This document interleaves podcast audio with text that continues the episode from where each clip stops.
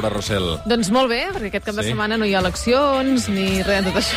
Sí, però no cridis al mal temps, perquè això vés a saber com acaba.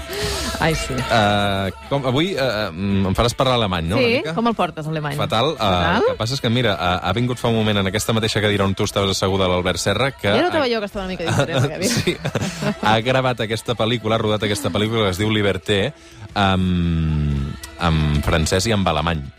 Uh, una pel·lícula amb sexe molt explícit i una conversa que hem tingut fa una estona. Uh, que, tu saps què és el cruising? Ah, no. No saps què és el cruising. No. Li he preguntat a l'Albert Serra si sabia què era el cruising i també hem estat divertits. Vaja, Eh, hauré de recuperar. Sí, catradio.cat barra el suplement, uh, una conversa. A veure, tinc am- deures, va. Sí, a, a, alemany, eh? Alemany, sí, perquè avui ens hem d'aturar la lletra U de l'abecedari lila i allà hi trobem el nom d'una artista germànica que es diu Ulrike Rosenbach.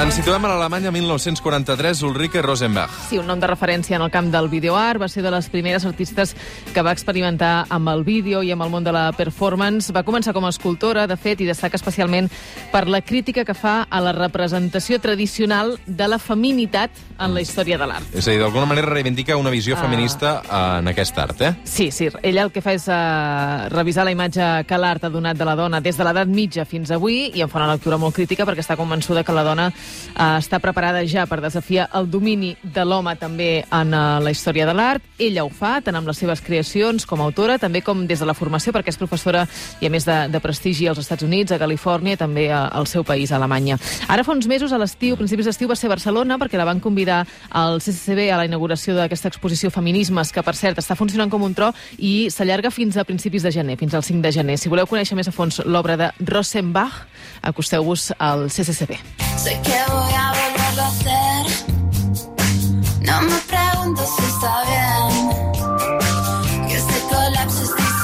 Tot ambientat amb aquesta banda sonora, Violència postmoderna, es titula aquesta cançó, d'Eva Rillen, la banda sonora que ens dona peu al següent tema i a la convidada que tenim esperant en aquest estudi de Catalunya Sí, Ràdio. perquè és una cançó que jo crec que relliga bastant bé tot el que parlarem a partir d'ara. Uh, la lletra d'aquesta cançó diu Lo llaman amor, però quieren decir violencia postmoderna. És a dir, que vivim envoltats de violència, sovint intentem maquillar-la per dissimular, diem que és amor, que és passió, que són altres coses, que, o que les coses sempre han estat així directament.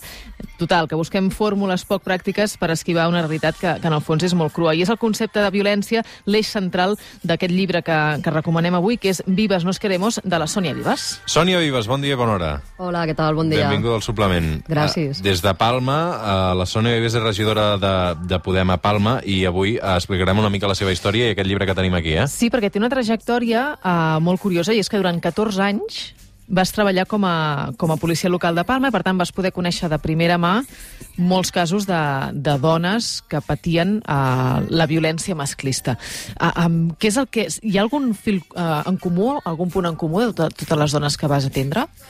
Sí, bueno, jo vaig eh, fer feina amb dones perquè a la carrera d'Educació Social, som educadora, vaig estudiar Pedagogia, vaig fer feina amb elles també, amb un programa de reparació. I després, de nit, perquè fer feina de nit sempre, doncs me, va tocar haver d'atendre moltes dones que venien sempre en situacions terribles. I sí, sí que hi havia un fil que era que sempre arribaven amb la sensació de culpa.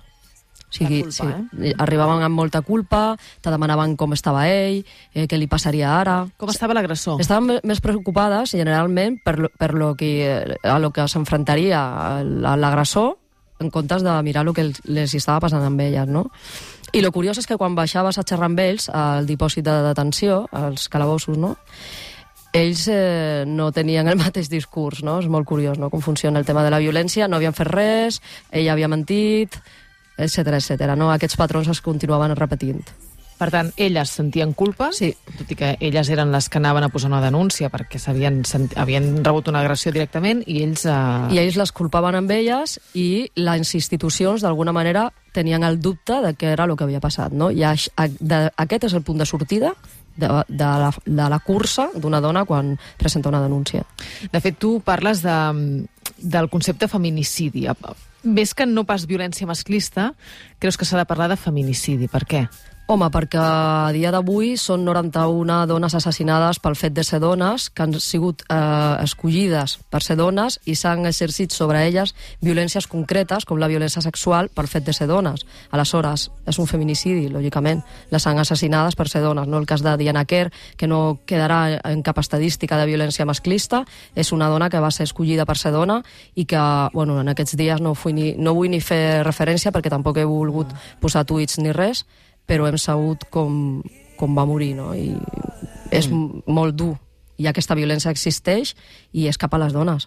De fet, eh, ja és molt simptomàtic que a Espanya el recompte de víctimes de violència masclista només es tingui des del 2003. I, a més, només es compten les víctimes de violència de gènere, que és molt diferent. Les, víctim les víctimes que compten a l'estadística són aquelles dones que han sigut agredides per un senyor que era la seva parella o que és la seva parella en el seu moment. És a dir, que l'agressor decideix la teva categoria de víctima i que si l'agressor no és el teu nòvio o el teu marit, no entres en, la, en, la, en el sistema, En el ni de protecció, ni tampoc ni tampoc se t'anomena, o sigui, no existeixes. Clar. I això, clar, o sigui, està deixant fora a moltíssimes dones. Estem xerrant que oficialment hi ha 50 i algo, i, i de veritat, en realitat són 91. Són 91. De fet, en el llibre reflexiona sobre el concepte de, de violència i com s'ha relacionat culturalment amb la figura de l'home, no? perquè la violència sembla que doti de masculinitat eh, el que ha de ser l'home.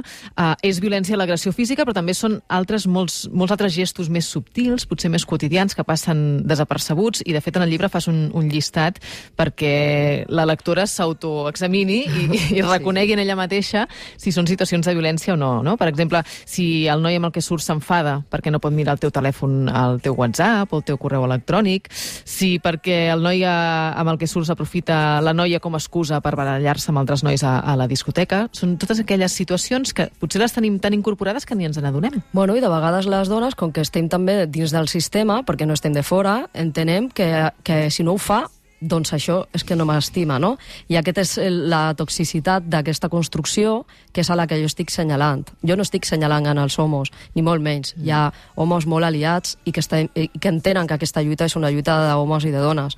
Però sí que és veritat que hi ha tot un sistema que està legitimant que hi hagi 91 assassinades i no passi res. I això vol dir que sota aquestes 91 assassinades hi ha cada 4 hores una dona que denuncia, no que li passi cada 4 hores, sinó que cada 4 hores una dona denuncia en el nostre país una violència sexual, que estem en un número de violències grupals inenarrable i que el nivell de violència és altíssim contra nosaltres, contra les dones. Mm. Per tant, eh, bueno, aquestes xifres estan dient que hi ha un problema i que hi ha un problema que, que recau sobre nosaltres, les dones, i necessitin els homes, no? En el llibre expliques també com s'ha de fer una denúncia en cas de violació, que segurament això, per la teva experiència, és el que coneguis bé. Uh, parles de, dels drets que té les dones en aquests casos i, i sobta molt que, que s'hagin de recordar quins són els drets de la persona que va denunciar una agressió quan això és el que hauria d'estar per davant de tot, i no ho està, no? Bueno, això eh, és que hi ha un problema dins de les, for les forces i cossos de seguretat en el nostre país, i això s'ha de dir, perquè és veritat.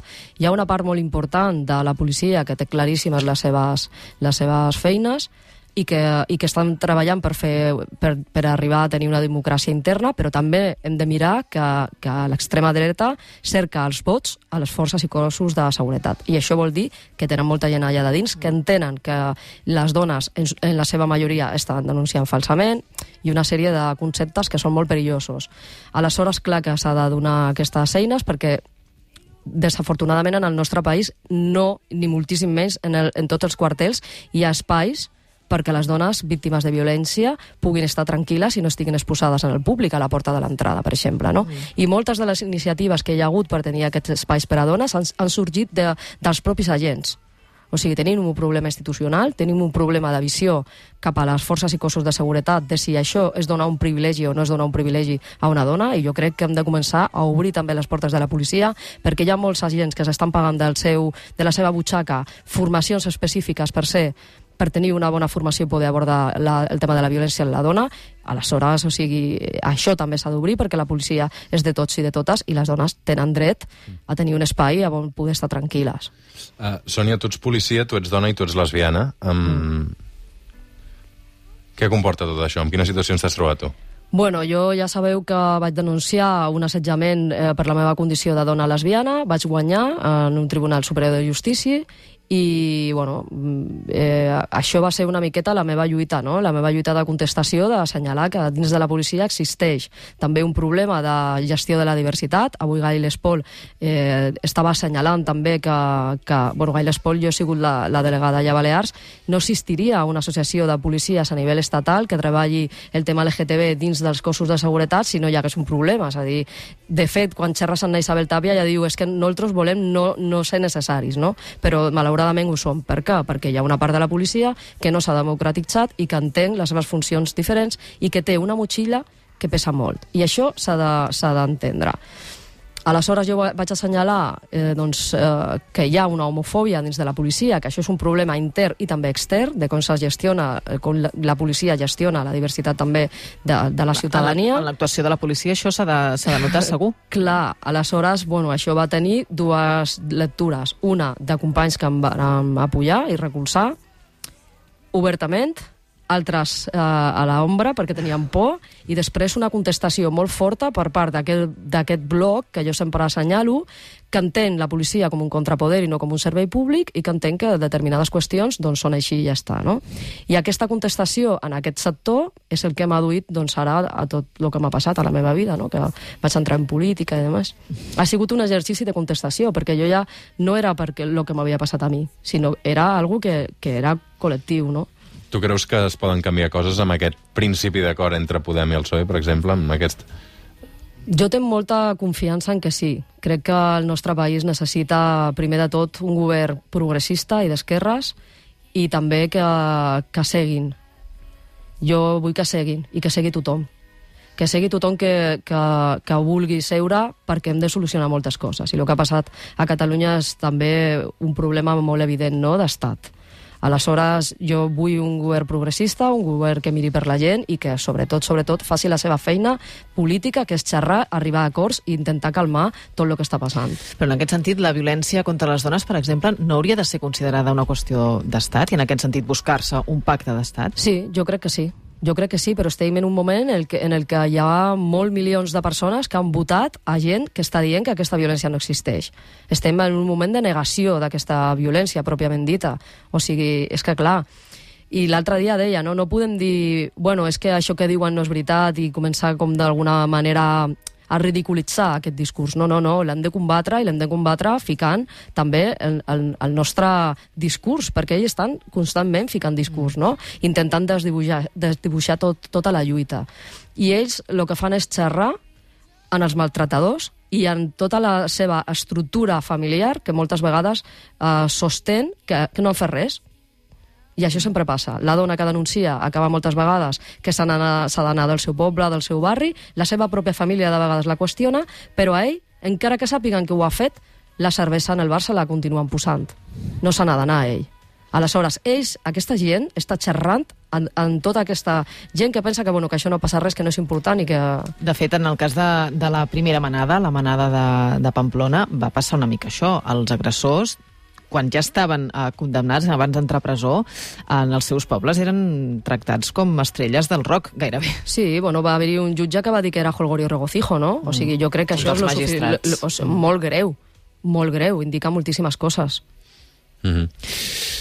Recomanem molt aquest llibre, no, Laura? Uh, Vives nos queremos, manual d'autodefensa i feminisme uh, sí, deixa'm... de la Sònia Vives. Digues, digues. En aquest manual d'autodefensa que tu ara dius, és que és un manual d'autodefensa, és que dona uh, consells pràctics per defensar-se físicament, que, que a mi m'ha fet posar... No sé què, què m'ha posat més la pell de gallina, si, si aquests, uh, aquests consells o, o els casos de testimonis reals que, que tu t'has trobat de, de dones que, que has atès en la teva carrera. Però si ens centrem en, en aquest manual d'autodefensa, són consells per uh, treure't de sobre un home quan, quan t'intenta agredir directament. Intentar córrer, sí. Sempre és una invitació a córrer i haver decidit abans si, si te defensaràs, perquè en el moment no ho pots decidir. Has de, fer una, has de prendre una decisió abans i si ho fas, donar un cop contundent i intentar fugir. Clar, i això va, va, va augmentant, eh? des de l'intentar fugir fins que ja no pots fugir el tens a sobre, que és el que has de sí. fer per, perquè no et faci mal. Bueno, hi ha dones que han sortit d'atacs com la... tornant en el xicle, no? Va intentar ficar una dona en el maletero d'un cotxe i ella va sortir d'aquesta situació i va sortir d'aquesta situació, jo crec, perquè ja, ella ja havia decidit que si li passés en algun moment sortiria. Per lo tant, el llibre és una invitació a això i si hi ha una sola dona que aconsegueix eh, sortir d'un d'un maletero, d'un cotxe, perquè ha llegit el meu llibre, jo ja m'adono més, per, més que per satisfeta, no? O sigui que... Mhm. Moltes gràcies, Sònia Vives, per haver-nos acompanyat aquest matí de suplement, també. Gràcies a vosaltres.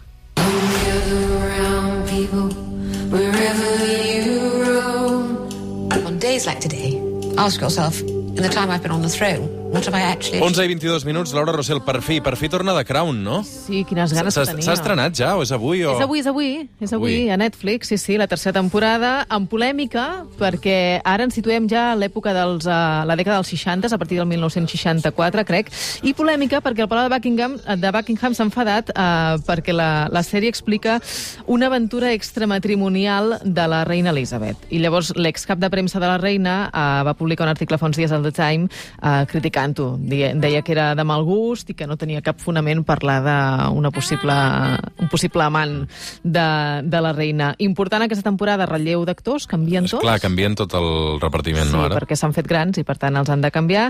Uh, potser un dels canvis... A Uh, més, els protagonistes, clar, continuen tots vius, no? Perquè, bueno, la majoria... Sí, sí. Menys El matrimoni? El, sí, El matrimoni duc està en plena forma, sí, sí, bueno, Bé, en plena, forma. no ho sé. Perquè no el deixen conduir el duc d'Edimburg, però... Home, perquè té Sí, 104 anys. Sí, sí, no, no, crec que no arriba a 100 anys. No, no, però, no, té però 93, 94, Sí, però, sí. però poc Mhm. li falta.